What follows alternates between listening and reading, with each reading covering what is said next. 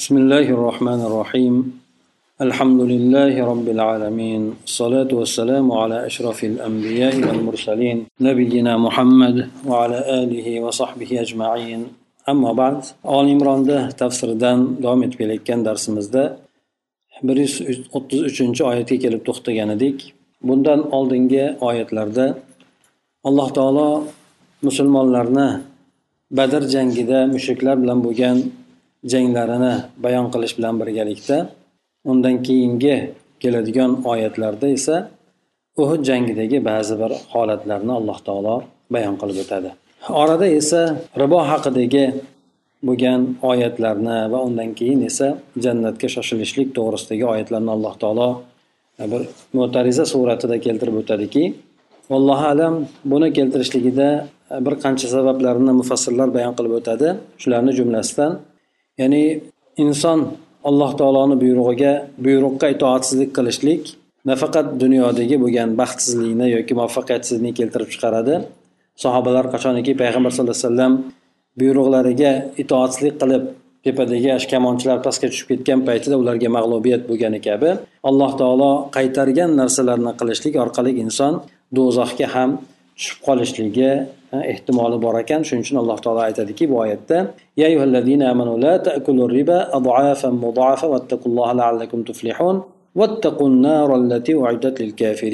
demak mana bu oyat karimada alloh taolo ribo bilan shug'ullanishlikni musulmonlarga keskin suratda qaytarishlik bilan birgalikda allohdan taqvo qilishlikka chaqirdi hamda kofirlar uchun tayyorlab qo'yilgan do'zaxdan taqvo qilishlikka qo'rqishlikka musulmonlarni buyurdi. Ana undan keyin esa sizlar allohga va rasuliga itoat qilinglar. Ham dunyo masalalarida dunyodagi bo'lgan holatlarda alloh va rasulini buyrug'iga itoat qilinglar. Albatta sizlar dunyoda ham oxiratda ham zafar topasizlar degan mazmunda alloh taolo laallakum turhamun deb oyatni nihoyaladi.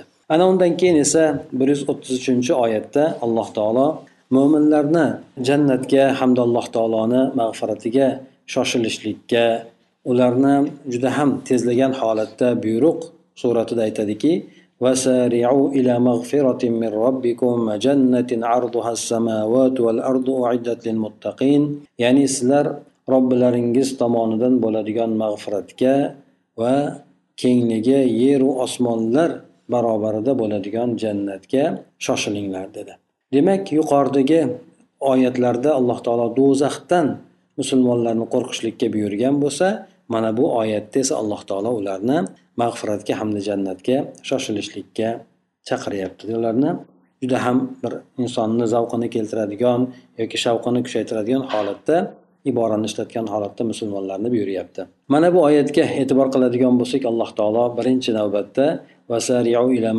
min robbikum deb aytyapti. Robbilaringiz tomonidan mag'firatga shoshilinglar dedi. Albatta har bir inson gunohkor bo'lgandan keyin uni jannatga kirishligidan to'sib turadigan katta narsalar shu gunohlari bo'lishligi tabiiydir. Ana o'sha robbilar tomonidan inson mag'firatga erishgandan keyin ana undan keyin jannatga kirishligi insonga juda qulay bo'lib qoladi. Jannatni esa alloh taolo kengligini yeru osmonlar barobarida dedi. Yeru osmonlar masalan bitta yerda inson osmonlarni miqyosda olib ko'radigan bo'lsak zarra hattoki zarra ham emas lekin insonni ko'ziga yer katta ko'rinadi. Endi osmonlar deb aytilishligida yetti qavat osmon bularni hammasi qiyomat kunida jannatga aylantirib beriladi jannat qilib beriladi musulmonlarga mukofot qilinib. Buni qanchalik hajmini alloh taoloni o'zi biladi. Chunki bu dunyoni o'zidagi bo'lgan dunyo osmonni ostidagi bo'lgan e, koinotni kengligini agar inson qaraydigan bo'lsa ba'zi bir suratlarda berishadi. Judayam judayam katta. Bu insonni aytayotgan yer miqyosdan bu milliard milliard barobar darajada va qancha qancha insonni hayoliga kelmaydigan darajada kattaligi. Bu hammasi dunyo ostidagi bo'lgan dunyo osmonini ostidagi bo'lgan kenglik bo'ladigan bo'lsa undan keyin birinchi osmon ikkinchi yettinchi osmongacha ularni kengligi qanchaligini alloh taoloni yolg'iz o'zi biladi. Ana o'shuning uchun ham jannatga kiradigan har bir insonga judayam katta miqdorda joylar beriladi. Hatto ba'zi rivoyatlarda keladi ikki ming yillik masofadagi joylar beriladi deb keladi. Bu har bir insonga ya'ni e, oddiy bo'ladigan oddiy eng oxiri jannatga kiradigan odamga ham shu dunyoni e, ellik besh baravaridagi e, joyni berilishligi yoki boylikni berilishligi aytib o'tiladi. Buni alloh taolo aytdiki taqvodorlarga hozirlab qo'yilgan dedi. taqvodor bo'lgan kimsalar demak jannat hozirda mavjud ekan bu hozirda tayyorlab qo'yilgan ekan alloh taoloni bu oyati shu narsaga ishora qiladi ana endi alloh taolo aytib o'tadiki o'sha taqvodor bo'lgan kimsalar kimlar الذين ينفقون بالسراء والضراء والكاظمين الغيظ والعافين عن الناس والله يحب المحسنين bular demak har qanday holatlarida infoq qiladilar deb kelyapti har qanday holatlarida ya'ni insonni hayoti yo xursandchilikdan yoki qayg'udan iborat. Ana o'sha ikkala holatda ham xursandchilik farovonlik bo'lgan holatida ham qiyinchilik qo'l yupqalik bo'lgan holatida ham bular o'zlarini ya'ni boshqalarga beradigan foydalarini man etmaydilar balki boshqalarga infoq qiladilar. Mollaridan infoq qiladi kelgusi vaqtlaridan infoq qiladi kelgusi mollardan yoki jonlardan nima narsa insonda infoq qilishligi imkoniyati bo'ladigan bo'lsa shu narsalarni infoq qiladilar. Ya'ni bandalarga o'zlarini yordamlarini daraxt tutmaydilar. Yana bular albatta taqvodor bo'lgandan keyin boshqalardan bir oz darajada yuqori bo'lgandan keyin boshqa odamlarni gaplari bo'lishligi bu tabiiy bo'lgan narsa. Agar siz hamma el qatori bo'ladigan bo'lsangiz siz haqingizda hech qanaqangi gap bo'lmaydi. Agar siz ulardan biron narsada yuqori bo'ladigan bo'lsangiz odamlar tomonidan har xil malomat yoki boshqa narsalar eshitiladi endi. Albatta taqvo jihatdan ham odamlardan boshqa ya'ni biroz fazilatli bo'lishlik bu narsa kimlarnidir e, o'sha odam haqida yomon fikrlashligi yomon gaplar tarqatishligiga olib boradi. Bu narsa esa albatta ularni achchiqlarini yutuvchilar deb turib sifat bilan aytib o'tilyapti. Demak odamlardan keladigan har xil yomonliklarga e, achchiqlarini yutadilar deb kelyapti. Ya'ni odamlardan xuddi shuningdek kamchiliklarni kechiradilar. Agar o'sha kechirishligi ularni salohiyatida bo'ladigan bo'lsa bu odamlarni kechirishligi mutlaq holatda emas ba'zan odamlarni kechirmasdan jazolashlikka to'g'ri keladi. Ko'p holatlarda esa agar foyda beriladi foyda beradigan bo'lsa odamlarni kechirib yuboriladi ularni xatolaridan o'tiladi vallohu yuhibbul muhsinin ya'ni alloh taolo mana shunday bo'lgan e-, ehsonkor bo'lgan yaxshi amallarni qiladigan puxta qiladigan kimsalarni alloh taolo yaxshi ko'radi deb turib aytib o'tyapti. Ana endi mufassirni biroz gaplariga qaraydigan bo'lsak bu kishi aytadiki وسارعوا إلى مغفرة من ربكم وجنة عرضها السماوات والأرض أعدت للمتقين أي بادروا وعجلوا إلى ما يوجب لكم المغفرة من ربكم وذلك بفعل الطاعات واجتناب المحرمات وبادروا إلى الفوز بجنة عرضها كعرض السماء والأرض أعدها الله وهيئها للمتقين من عباده ثم بين تعالى صفات هؤلاء الفائزين بجنة النعيم فقال الذين ينفقون في السراء الله تعالى demak alloh taoloni bu oyatini tafsirida aytadiki sizlar robbilaringizdan bo'ladigan mag'firatni sizlarga olib keladigan narsaga shoshilinglar badiru ajjiru degani judayam bir zavq bilan shoshilib qolinglar degan mazmunda nimaga chunki inson shoshilib qolmaydigan bo'lsa insonda ajali alloh taoloni qo'lida qachon kelishligini bilmaydi kech qolishligi mumkin Bu narsa esa albatta alloh taoloni mag'firatini nima narsa olib keladi? Bu alloh taoloni toatlarini ado etishlik harom narsalardan chetlanishlik. Mana shu narsalar bilan bo'ladi va yana jannatga erishishlikka shoshilinglar deb aytyapti. Jannat esa buni mukofoti bo'ladi o'sha mag'firatda yoki qilingan yaxshi amallarni chetlanilgan harom ishlarni bo'ladigan mukofoti bu jannatga erishishlik bo'ladi. Buni kengligi esa aytib o'tganimizdek yer osmonlarni barobarda bo'ladi. Alloh taolo bu jannatlarni yoki jannatni bandalardan taqvodor bo'lgan kimsalar uchun hozirlab tayyorlab qo'ygan. So'ngra undan keyin alloh taolo o'sha ne'mat jannatlariga erishadigan kimsalarning sifatlarini bayon qilib aytadiki allazina fis al nas yuhibbul muhsinin. Ay allazina amwalahum talaban fi halil yusri wal usr. وفي الشدة والرخاء والذين يتغلبون على أنفسهم فيمسكون غيظهم مع قدرتهم على الانتقام والذين يعفون عن أساء عمن أساء إليهم والله يحب المتصفين بتلك الصفات الجليلة ya'ni alloh taolo muttaqinlarni taqvodor bo'lgan kimsalarni shunday sifatlar bilan sifatlayaptiki bular mol dunyolarini alloh taoloni roziligini istab kengchilik bo'lgan qiyinchilik holatlarida ham yoki farovonlik bo'lgan holatlarda ham bular sarflaydilar. Ya'ni davomiy suratda insonlarda boshqalarga manfaati yetib turadi. Hamda bular o'zlarini nafslarini tizginini tutganlar. Ya'ni nafslardan g'olib bo'lib bular o'ch olishlikka qudrati yetgan holatida achchig'ini yutadigan kimsalardir. Ya'ni o'ch olishlikka qodir bo'lsa ham lekin e, achchig'ini yutib muomalani yaxshi qiladigan va o'zlariga yomonlik qiladigan kimsalarni esa afv etadigan kimsalar dedi. Alloh taolo ana o'shanday ulug' sifatlar bilan sifatlangan kimsalarni yaxshi ko'radi deb bayon qildi.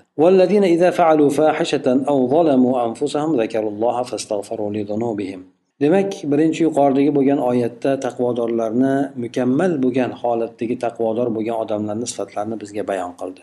Bularni odamlar bilan bo'ladigan muomalasini ham bizlarga yuqoridagi sifatlarda bayon qilib o'tdi. Demak ular odamlarga yordam beradi odamlardan keladigan yomonliklarni esa o'zlarida singdirib kechirib yuboradi. Mana shu demak ularni odamlar bilan bo'lgan muomalalari shunday bo'lar ekan. Bu mutlaq suratdagi taqvodor bo'lgan kimsalarni sifatlari. Endi undan keyin ularni olloh bilan bo'ladigan holatlari qanday bo'ladi? Olloh bilan bo'ladigan holatlari. Ya'ni bironta bir gunoh ishni qilib qo'yadigan bo'lsa fahsha deb ko'proq e, katta gunohlarni aytiladi. Katta gunohlar yoki bo'lmasa buzuqlik deb aytadigan bo'lsak ham yoki bo'lmasa o'zlariga qanaqa bir tur narsa bilan qanaqa bir gunohlar bilan o'zlariga zulm qiladigan bo'lsalar e, shunday qilgan paytlarida alloh taoloni eslaydilarda darrov gunohlariga istig'for aytadilar deb keladi. Demak e, bu taqvodor bo'lgan kimsalarni e, ko'p holatlari bo'lar ekanki ya'ni hammasi ham mukammal suratdagi taqvodor bo'ladi taqvodor emas balki ulardan kimlardir balki ko'pchiligidir gunohlarga baribir inson aralashadi aralashmasdan iloji yo'q. Lekin ularni gunohlarni qilishligi bilan boshqalarni gunohlarini qilishligida farqlar bor. Ularni esa quyida bayon qilib o'tamiz. Aytadiki bularni mabodo bir katta gunohlarga aralashib qoladigan bo'lsa yoki o'zlariga zulm qiladigan bo'lsa qanday qilib inson o'ziga zulm qiladi? Albatta inson o'ziga zulm qilishligi o'zini nafsini azobga ro'para qilib qo'yadi yoki alloh taolo harom qilgan narsalarni qilishlik bilan buyurgan narsalarni qilmaslik bilan azobga giriftor qilib qo'yadi. Ho dunyoviy bo'lsin ho uxroviy bo'lsin. Ana o'shanday bo'lib turgan paytlarida darrov bular allohni eslaydilarda gunohlariga istig'for aytadilar deydi. Ya'ni taqvodor bo'lgan kimsalarni gunoh qilishligi bu bor bo'lgan narsa lekin boshqalardan farqi darrov gunohlariga tavba qilishligi bo'ladi. mufassir keltirib aytadiki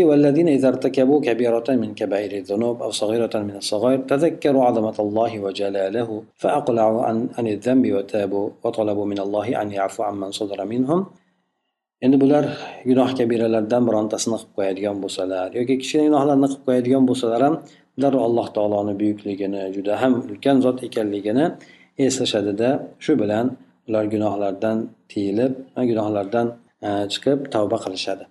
Va alloh taolodan ulardan sodir bo'lgan yomon ishlarni kechirishligini talab qilishadi deydi. Demak bu yerdagi iboraga ham qaraydigan bo'lsak iza faalu deganda in faalu ya'ni in iborasini ishlat kalimasini ishlatmasdan idani ishlatilishligi in shart bo'ladi. Ehtimol sodir bo'lishligi ehtimol sodir bo'lmasligi. Lekin iza so'zini ishlatishligi albatta bu narsa haqiqatdan bo'lishligini ifoda qiladi. Ya'ni bulardan gunoh kabiralar qilgan taqdirda ham darrov alloh taoloni buyukligini eslab azobidan qo'rqib bu narsa esa ularni istig'for aytishlikka undaydi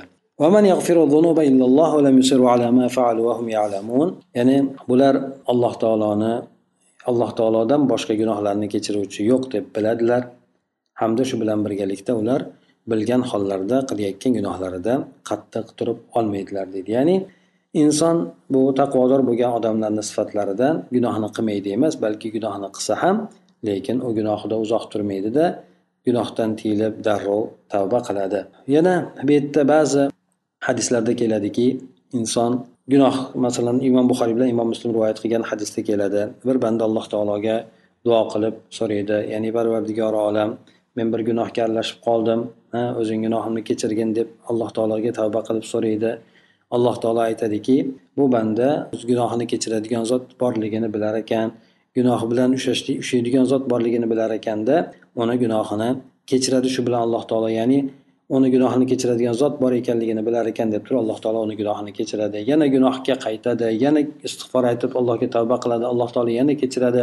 Shunday uch to'rt marta ayni shu holatda takror bo'ladida keyin alloh taolo aytadiki e banda gunohlarni kechirganligini xohlagan ishingni qilgin degan mazmunda aytib o'tadi. Bu narsa esa yuqorida aytib o'tganimizdek mana ular qilgan narsalarda mahkam turmaydilar deb sifatda aytyapti. Ya'ni qilgan narsalariga qaytmaydilar demayapti balki qilgan narsalarda qattiq turmaydilar dedi. Garchi qaytsa qaytsa qaytsa ham gunohini. Qayta qayta qilgan taqdirda ham agar tavba qiladigan bo'lsa qancha qaytadigan bo'lsa shuncha tavba qiladigan bo'lsa uni gunohi kechirilib ketishligini aytilyapti. Ya'ni bu oyat karima alloh taolo bilan yana yaxshilikni gumon qilishlik illalloh degan oyat ya'ni ollohdan boshqa gunohlarni kim kechiradi degan oyat mo'min odamni alloh taolo bilan gumonni yaxshi qilishlikka undaydi. Bir arobiy bo'lgan odam ibn abbosdan so'ragan paytlarida ya'ni inson o'lgandan keyin qayerga boradi deganda alloh taoloni huzuriga boradi. Ya'ni kim hisob kitob qiladi deganda alloh taolo hisob kitob qiladi deganda bo'lmasa nimaga? Ollohni huzuriga allohga yo'liqishlikdan qo'rqamiz. Zero hamma yaxshilik o'zi alloh taolo tomonidan kelyaptiyu. Agar vafot etib allohni huzuriga boradigan bo'lsak nimaga endi alloh taologa yo'liqishdan qo'rqamiz?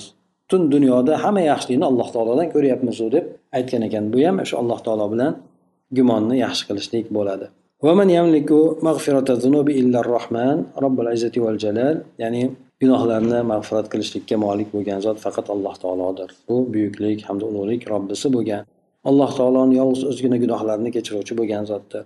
Mana bu oyat karimada nasoro ya'ni rohiblarga raddiya borki ular nasroniy bo'lgan odamni e'tirof kursisiga o'tirgizishib oladida keyin keyin u odam ularni oldida qilib o'tgan xatolariga iqror bo'ladi.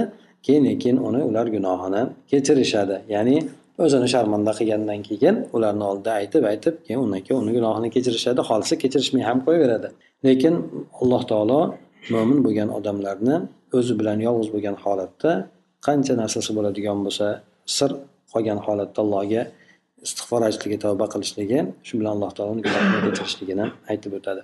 Payg'ambar sallallohu alayhi vasallam ham ayni musulmonlarni shu narsaga targ'ib qilib aytadiki allohdan allohga istig'for aytib tavba qilinglar men alloh taologa har kuni yuz marta tavba qilaman deb aytganlar. Alloh taoloni ushbu so'zi deganda ay lam yuqimu ala zunubihim mudavimin ala al-ma'siya va hum ya'lamuna qubhaha bal yusri'una ila at-tawbati wa talabil maghfira.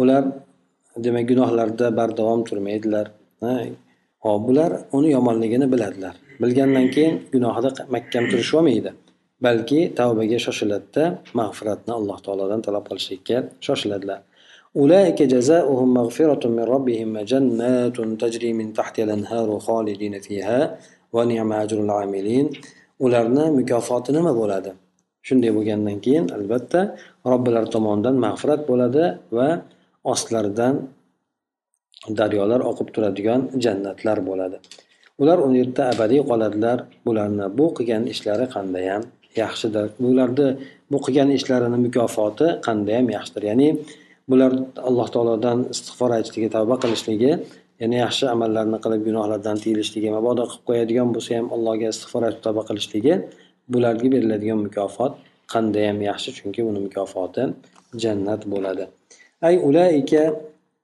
الموصوفون بهذه الصفات الحميدة جزاؤهم عند الله ستر لذنوبهم وحدائق وبساط تجري خلال أشجارها وقصورها أنهار الجنة ماكثين فيها أبدا ونعم أجر العاملين المغفرة وجنات النعيم ya'ni mana shu yuqoridagi maqtovli sifatlar bilan sifatlangan kimsalar ya'ni bu odamlarga qiladigan muomalasida bo'lsin alloh taolo bilan bo'ladigan aloqalarida bo'lsin alloh taolo bularni bir qancha sifatlar bilan sifatlab o'tdi ana shunday ulug' sifatlar bilan sifatlanib o'tgan kimsalarni mukofotlari alloh taoloni huzurida avvalo ularni gunohlarini satr qilinishligi bo'ladi. Hech kimga bu narsa oshkor qilib bildirilmaydi.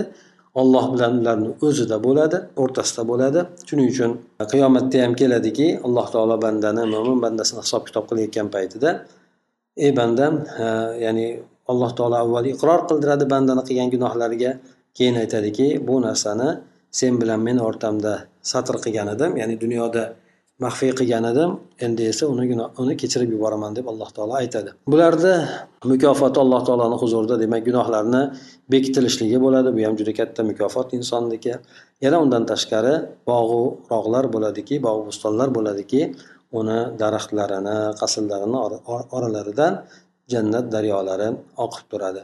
Ular esa u yerda abadiy bo'ladilar. Bunday amal qilgan kimsalarni mukofoti qandayyam yaxshi?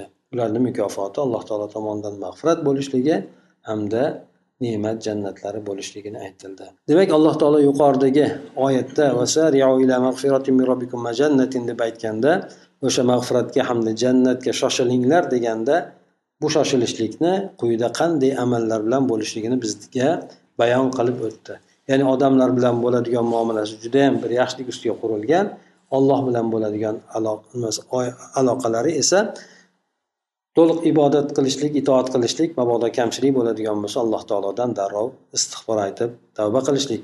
Ana o'sha narsalarni mukofoti demak mag'firat bilan jannat bo'lar ekan. قد خلت من قبلكم سنن فسيروا في الأرض فانظروا كيف كان عاقبة المكذبين أنا undan keyin alloh taolo oyatlarni demak do'zax haqidagi oyatni yuqoridagi jannat haqidagi oyatlarni bizga bayon qilib o'tgandan keyin musulmonlarni yana o'sha uhud jangida bo'lgan holatga e'tiborini qaratib turib aytdiki ya'ni ma'lumki musulmonlar bu jangda mag'lub bo'lishgan edi payg'ambar sallallohu alayhi vasallam jarohatlangan edi hattoki u kishini vafot etdi deb gap tarqatilgan edi ana o'sha voqealar haqida quyidagi oyatlarda bayon qilib o'tadi.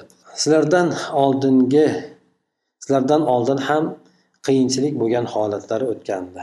Ya'ni sunan degani qiyinchilik yillari musibat ofat balo har xil yomonlik bo'lgan yillar o'tgan. Sizlar fasiru fil ard yerda bir sayr qilinglar. Jasadiylar bilan sayr qilinglar yoki bo'lmasa qalbiylar bilan sayr qilinglar qalbiylar bilan tafakkur qilinglar. O'shalarni ko'rib o'zinglarga ibrat olinglar o'sha alloh taoloni balosi kelgan yoki ofat e, musibatlari kelgan joylarni. Alloh taoloni yolg'on oyatlarni yolg'onga chiqaruvchi bo'lgan kimsalarni oqibati qanday bo'lganligini qaranglar. Bu oyat musulmonlarga uhud jangida mag'lub bo'lgan musulmonlarga go'yoki bir yupanch edi tasliya edi. Bu narsa. Demak sizlarga bir shunday bo'lib o'tgan bo'lsa avvalda ham mag'lubiyatlar avvalgi ummatlarda ham g'alaba mag'lubiyat degan narsalar bo'lgan. Ha ularni lekin qaranglar alloh taologa dushman bo'lgan kimsalarni oqibati nima bo'ldi? Haq g'olib bo'ldi botil esa mag'lub bo'ldi. أي قد مضت من قبلكم يا معشر الكفار وقائع وعقوبات سنها الله في الأمم المكذبة قبلكم فتنقلوا في الأرض لتروا ما حل بهم من الهلاك والدمار فتتعظوا بما ترونه من آثار هلاكهم ey kofirlar jamoasi o'zinglar sizlardan oldin ham shunday bir uqubatlar shunday bir hodisa voqealar bo'lgandiki alloh taolo buni sizlardan oldingi yolg'onga chiqaruvchi alloh taoloni oyatlarini yolg'onga chiqaruvchi ummatlarni ichida sunnat qilib qo'ygan edi.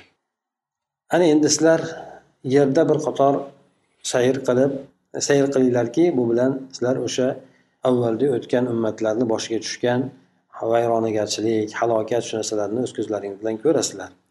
Yana sizlar o'sha ularni ko'rgan halokatlarni asoratlari bilan yana nasihat pan nasihat ham olasizlar ehtimol iymonga kirib qolasizlar degan mazmunda alloh taolo xitob qildi هذا بيان للناس وهدى وموعظة للمتقين أي هذا الذي ذكرناه من آثار الأمم السابقة وأخبار هلاكهم فيه تبيين وتذكرة يتعظ بها المتقون والعاقل من اتعظ بغيره alloh taolo aytdiki mana bu narsa odamlar uchun bir bayondir bayon nima ya'ni haq bilan nohaqlik o'rtasida o'tmishdan beri bu kurash kelib yotadi Davom etib yotadi bu narsa.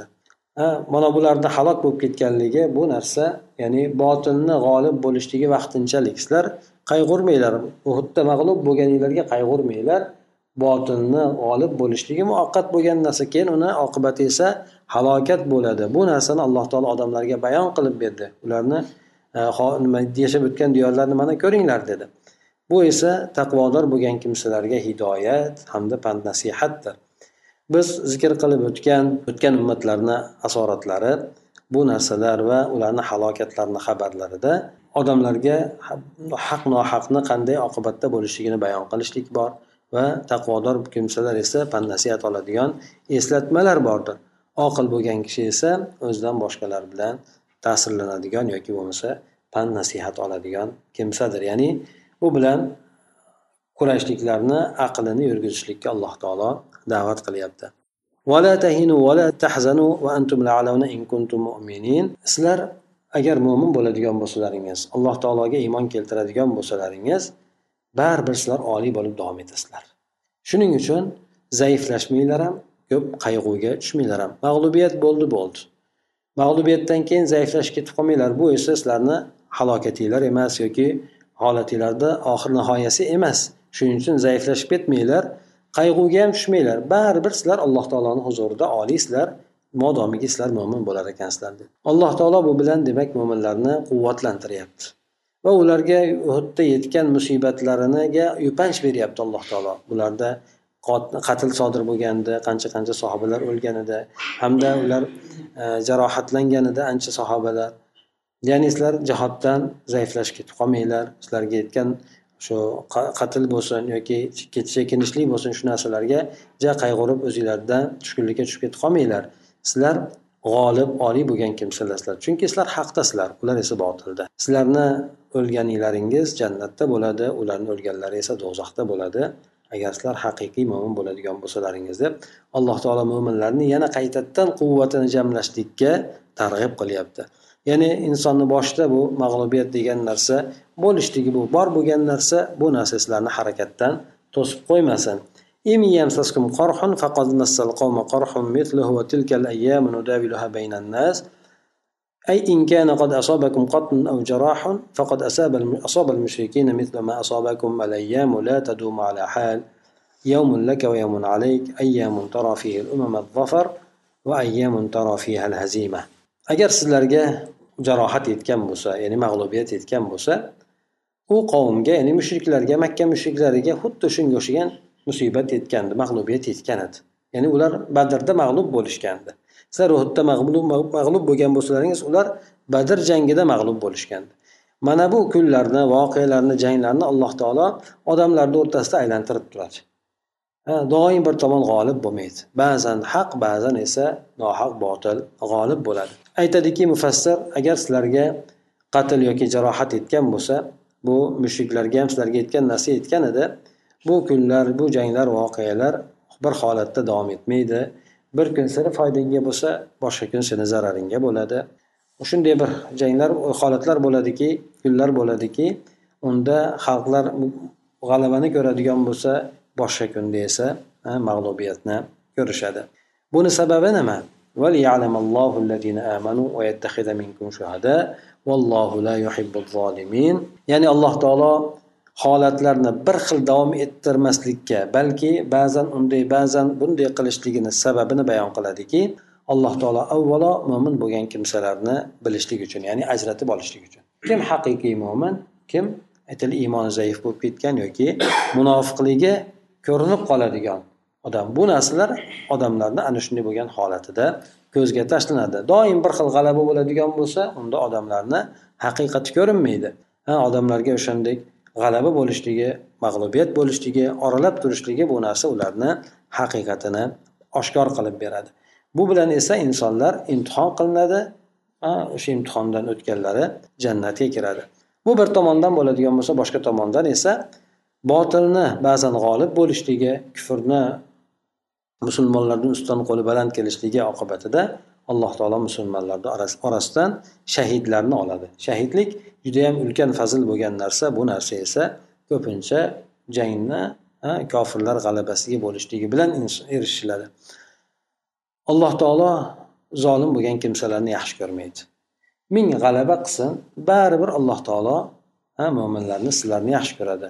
Ularga g'alabani berishligi yoki ularni qo'lini ustun qilib qo'yishligi alloh taoloni ularni yaxshi ko'rishligiga dalolat qilmaydi. Alloh taolo sizlarni jihodga yukladi jihodga buyurdi sizlarni imtihon qilishlik uchun. Sizlardan qaysi birlaringiz qiyinchilik jang paytlarida sabr qiladi va yana yaxshi yomonni o'rtasini ajratishlik uchun alloh taolo bu jihodni sizlarga farz qildi. Va yana ba'zi mo'minlarni o'zini yo'lidagi bo'lgan shahidlik fazilati bilan mukarram qilishligi uchun alloh taolo sizlarga jihodni buyurdi. Shu bilan alloh taolo ularni ne'mat diyori bo'lgan jannatlarga kirgizadi. Bu yerdagi olloh bilishligi uchun deb kelgandagi ilm bu yerda ajratishlik ma'nosida tamyiz ma'nosida keladi. Ya'ni iymonda mustahkam turgan kimsalar bilan iymonda sarosimaga tushib qolgan ya'ni barqaror turolmaydigan odamlarni o'rtasini ajratishlik uchun alloh taolo bir uddiy bir bunday qilib odamlarni o'rtasida holatlarni o'zgartirib turadi. Aks holatda alloh taolo o'zi biladi kim mo'min bo'lib vafot etadi kim esa munofiq bo'lib yoki ortiga chekinib vafot etadi. Alloh taolo buni mujohidni undan boshqa mujohidni boshqasidan ajratib olishlikka o'zi alloh taolo muhtoj emas o'zi. Oldin oldindan biladi faqatgina bu narsa mo'minlarni ko'ziga ham tashlanishligi o'zlarini ustida hujjat qoyim bo'lishligi uchun qiladi. أي ليطهرهم ويصفيهم من الذنوب بسبب الاستشهاد في سبيل الله ويسحق ويهلك الكافرين بقتلهم بأيدي المؤمنين. ومغزى الآية إن قتلكم الكفار إن قتلكم الكفار فهي شهادة لكم وتطهير لذنوبكم وإن قتلتموهم فهو استئسال لهم وشفاء لصدوركم. هذا الله تعالى aytadiki mo'minlarni ularni poklashlik uchun. Har xil gunohlardan poklanadi inson yaxshi amallarni qiladigan bo'lsa ulkan katta yaxshi amallarni qiladigan bo'lsa bu gunohlariga kafforat bo'lib ketadi. Mana bilamizki namozga kelishlik ancha insonni gunohlariga kafforat bo'ladi. Jihodga chiqishlik ham inson uyidan boshlab chiqqanidan boshlab to o'sha yerlarda davom etib uyga qaytib kelgunigacha bo'lgan muddatda alloh taolo uni ibodatda deb yozadida o'shanga yo'lda kechiradigan hamma qiyinchiliklarni evazidan alloh taolo uni gunohlarini kechirib darajalarini yuqori qiladi.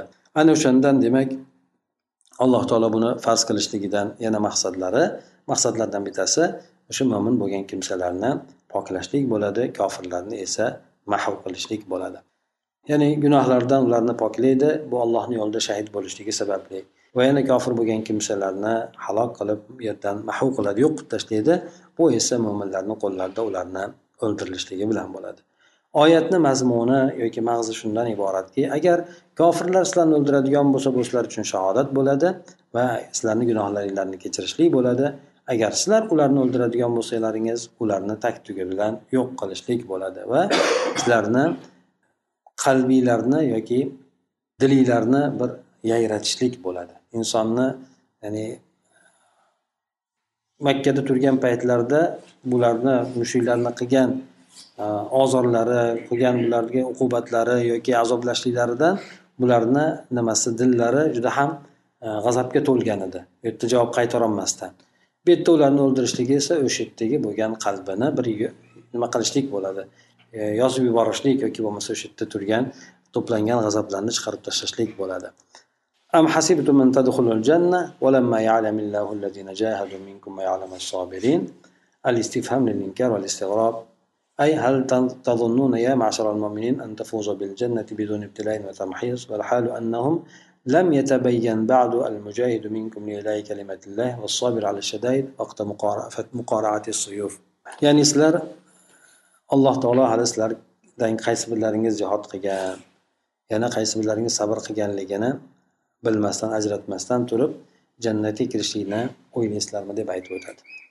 Demak bu oyat karimada alloh taolo jannatga kirishlikni xulosasini beryaptiki jannatga kirishlik insonni bir tomondan harakati bilan ikkinchi tomondan esa sabr qilishligi bilan bo'lar ekan. Shu ikkala narsani inson jamlaydigan bo'lsa harakat bilan sabr qilib turib harakatda davom etadigan bo'lsa bu insonni jannatga kirishligiga sabab bo'lar ekan. Mana shu narsani alloh taolo bu oyat karimada bizlarga bayon qildi. Ya'ni sabr qilishlik deganda mahkam turib yana harakatida davom etishlik bo'ladi. Bu yerdagi istifhom kelishligi alloh taolo so'rov sifatida ishlatyaptiku bu aslida inkor ma'nosida. Ya'ni shunaqa ham deb o'ylaysizlarmi? Jannatga kirish ya'ni sizlarni alloh taolo hali kim jihod qilgan va kim sabr qilganlarni ajratmasdan turib jannatga kirib ketaverishlikni o'ylaysizlarmi? Ya'ni bunday o'ylamanglar degan mazmunda demak ularga inkor suratida savol beryapti. Ya'ni istig'rob degani bunday gumon qilishlikdan ajib sanagan holatda ya'ni bunday o'ylashlik to'g'ri emas degan mazmunda alloh taolo savol sifatida beryapti. Ya'ni ey mo'minlar jamoasi sizlar alloh taolo hali sizlarni imtihon qilmasdan gunohinglarni kechirishlikka sabab bo'ladigan narsalarni qilmasdan turib jannatga kirib ketaverishlikni o'ylaydi o'ylading o'ylayapsizlarmi sizlar deydi holat shuki hali hanuz alloh taolo sizlardan ya'ni alloh taoloni kalimasini oliy qilishlik uchun mujohid bo'lgan odam hali aniq ravshan bo'lgani yo'q. Va yana qiyinchiliklarda esa o'sha qilichlar bir biridan qindan chiqarib bir biriga qarshi turgan paytida yoki kurash boshlagan paytida qiyinchiliklar ustida sabr qiluvchi bo'lgan kimsa hali aniq ravshan bo'lmagan holatida sizlar shunday deb o'ylaysizlarmi deb aytib o'tadi. Demak jannatga kirishlik esa oson emas. Yuqorida aytib o'tganimizdek taqvodorlarga tayyorlangan taqvodorlar esa yuqoridagi bo'lgan sifatlarga sifatlarda zikr qilingan kimsalarni ya'ni odamlar bilan ham muomalasi zo'r qiladigan alloh bilan ham aloqasi yaxshi bo'lgan kimsalar edi. Ana undan keyin aytadiki ya'ni sizlar o'limni hali unga yo'liqmasdan turib orzu qilgan edilaringiz. Ya'ni o'lim bu jang qilishlik. Qani edi biz jang qilsak edi degan orzularingiz bor edi sizlarda mana endi o'sha jangni o'limni o'z ko'zlaring bilan ko'rdilaringiz deb alloh taolo aytib o'tadi. Ya'ni buni keltirishida maqsad mufassir aytadiki ya'ni dushmanlarga yo'liqishlikni sizlar juda orzu qilardilaringiz ya'ni shu bilan shahidlikka erishib qolaylik deb turib dushmanlarga yo'liqishlikni juda yam qattiq orzu qilardilaringiz hali urushni qiyinchiligiga yo'liqmasdan turib urushni qiyinchiliklarini o'zinglarda tajriba qilmasdan turib sinab ko'rmasdan turib dushmanga yo'liqsak edi shahid bo'lib ketardik deb turib orzu qilasizlar deydi mana o'zlaringlarni ko'zinglar bilan ko'rdinglar ko'rdinglar mana jang maydoniga tushdinglar dushman bilan yo'liqdinglar hattoki endi sizlarni birodarlaringlardan qatl qilingani qatl qilindi. Sizlar ham qatl qilishlikka yaqin bo'lib qoldinglar deb turib shunday bo'lgan paytda sizlar o'sha o'limni o'z ko'zlaringiz bilan ko'rdilaringiz. Bu esa chekingan odamlarni haqidagi bir ayblov edi. Ularni bir koyishlik edi. Chunki ular urushni orzu qilishgan edi so'ng urush bo'lgan paytida esa shahidlikni ham orzu qilishgan edi bular qo'rqoqlik qilib orqasiga chekinishgan edi demak inson tinchlik bo'lgan paytidagi orzu havaslari boshqa narsa. Qaniydi urushsam shahid bo'lib ketaman boshqa deb turib lekin jang maydoniga tushib o'limni o'z ko'z bilan ko'rgan paytida hattoki sahobalarni qancha qanchasi ortga chekinib qochishadi. O'sha narsani alloh taolo bularga ayblab turib aytdiki demak sizlar shu narsani orzu qilardilaringiz mana o'z ko'zinglar bilan ko'rdinglar endi deb turib alloh taolo bularga ularni ayblab aytib o'tyapti. Bu yerdagi bo'lgan oyatlarda ya'ni alloh taoloni bu jihodni farz qilishlik bu yengil amal emas og'ir bo'lgan amal shuning uchun mukofotini yuqori qildi. Unda aytib o'tganimizdek jannatga kirishlikni jihod bilan sabr qilishlik dedi. Jihod qilishlik hamda o'sha jang maydonida mahkam turib sabr qilolashlik shu ikkalasi bo'ladigan bo'lsa inson jannatga kiradi. Hattoki mana bu yerda aytib o'tdiki mag'lubiyatni jihoddagi bo'lgan mag'lubiyatni sizlarga e, alloh taolo sizlarni jihodni farz qildi. Mag'lubiyatchi mag'lubiyat bo'lishligini sizlardagi oranglardagi mo'min bo'lgan odamlarni iymoni zaif bo'lgan yoki bo'lmasa munofiq bo'lgan odamlardan ajratishlik uchun dedi. Hamma tinchlik bo'lgan paytida davo qilaveradi.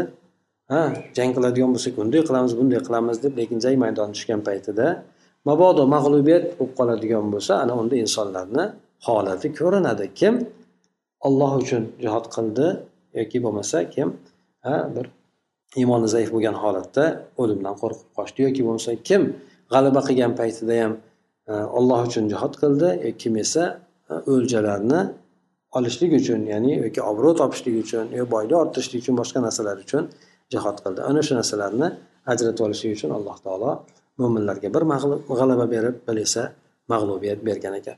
Bu narsani allohu alam badr jangidan keyinla bo'lishligi ya'ni ikkinchi jangda musulmonlar mag'lubiyatga uchrashligi bularni ya'ni holatni avvaldan boshlab sergak tutishlikka bularni undashlik edi. Bular aytaylik o'nta o'n beshta yigirmata jangdan keyin mag'lub bo'lsa ham o'shanda ham bilib olishlik mumkin edi. Musulmonlar doim g'alaba qilolmasligini lekin jangni boshidagi bo'lgan narsa bularni oxirgi oxirigacha mahkam ya'ni sergak turishlikka bularni undaydi hatto mana ularni hudayn jangida ham mag'lubiyatga uchrashga yaqin bo'lganligini sababi ular allohga suyanmasdan ko'pligiga suyanib qolgan bo'lardi. O'shanda ham sal qoladi ular mag'lubiyatga uchrashlikka lekin e, payg'ambar sallallohu alayhi vasallam u kishi bilan birga bo'lgan ba'zi sahobalarni mahkam turishligi keyin boshqa sahobalarni qaytishligi oqibatda alloh taolo yana bularga g'alabani beradi. Ya'ni bu yerda ham ularni sergak tutishlikka e, bir chaqiruv undov chaqiruv bo'ladi. Yana undan tashqari abu bakr roziyallohu anhuni davridan keyin umar roziyallohu anhu xalifalikka o'tirishligi bilan xolidni nimadan olib tashlaydi? Xolid validni boshqaruvdan olib tashlaydi. Nimaga? Odamlar xolid qayerda bo'lsa g'alaba o'sha yerda bo'ladi degan tushunchaga borib qolgandi bu narsa esa mag'lubiyatga olib borishligi katta bir sabablardan bittasi. Shuning uchun u kishi e, xolid ibn validni nima qilgandan keyin olib tashlaydi. Ya'ni buni sababini o'sha odamlardagi bo'lgan e'tiqodni to'g'irlashlik uchun qilganligini ba'zi nimalarda aytib o'tadi. Alloh taolo doim bir tomonga g'alabani bermas ekan hozirgi bo'lib turgan paytdagi holat ham ayni shu holatlarni bittasi ya'ni musulmonlar mana andalusni ham agar tarixini eshitadigan bo'lsak bir g'alaba qilishadi bir mag'lubiyat qilishadi bir jizya olib hammasini o'zini qo'l ostiga bo'ysundirishadi. Bir qarasangiz yana o'zlari jizya to'layotgan bo'ladi. Shunaqa demak urush demak kunlar birma bir bo'lib turgan payti hozirdagi payt ham ayni o'sha narsalarga to'g'ri kelgan. Bu yerdan qutuladigan narsa esa yuqorida aytib o'tilgan narsa agar sizlar haqiqiy mo'min bo'ladigan bo'lsalaringiz sizlar oliysizlar qayg'urmanglar zaiflashmanglar dedi. Demak zaiflashmasdan tushkunlikka tushmaslik kerak zaiflashmasdan harakat qilish kerak insonda iymonni kuchaytirish kerak. iymoni kuchaygan sari bulardagi g'alabani kelishligi yaqinroq bo'ladi insonni qachon ummatni iymoni quvvatlanadigan bo'lsa iymoni zaiflashgan sari ulardagi mag'lubiyat kuchayib boraveradi سبحانك اللهم وبحمدك نشهد ان لا اله الا انت نستغفرك ونتوب اليك اللهم انفعنا بما علمتنا وعلمنا ما ينفعنا وزدنا علما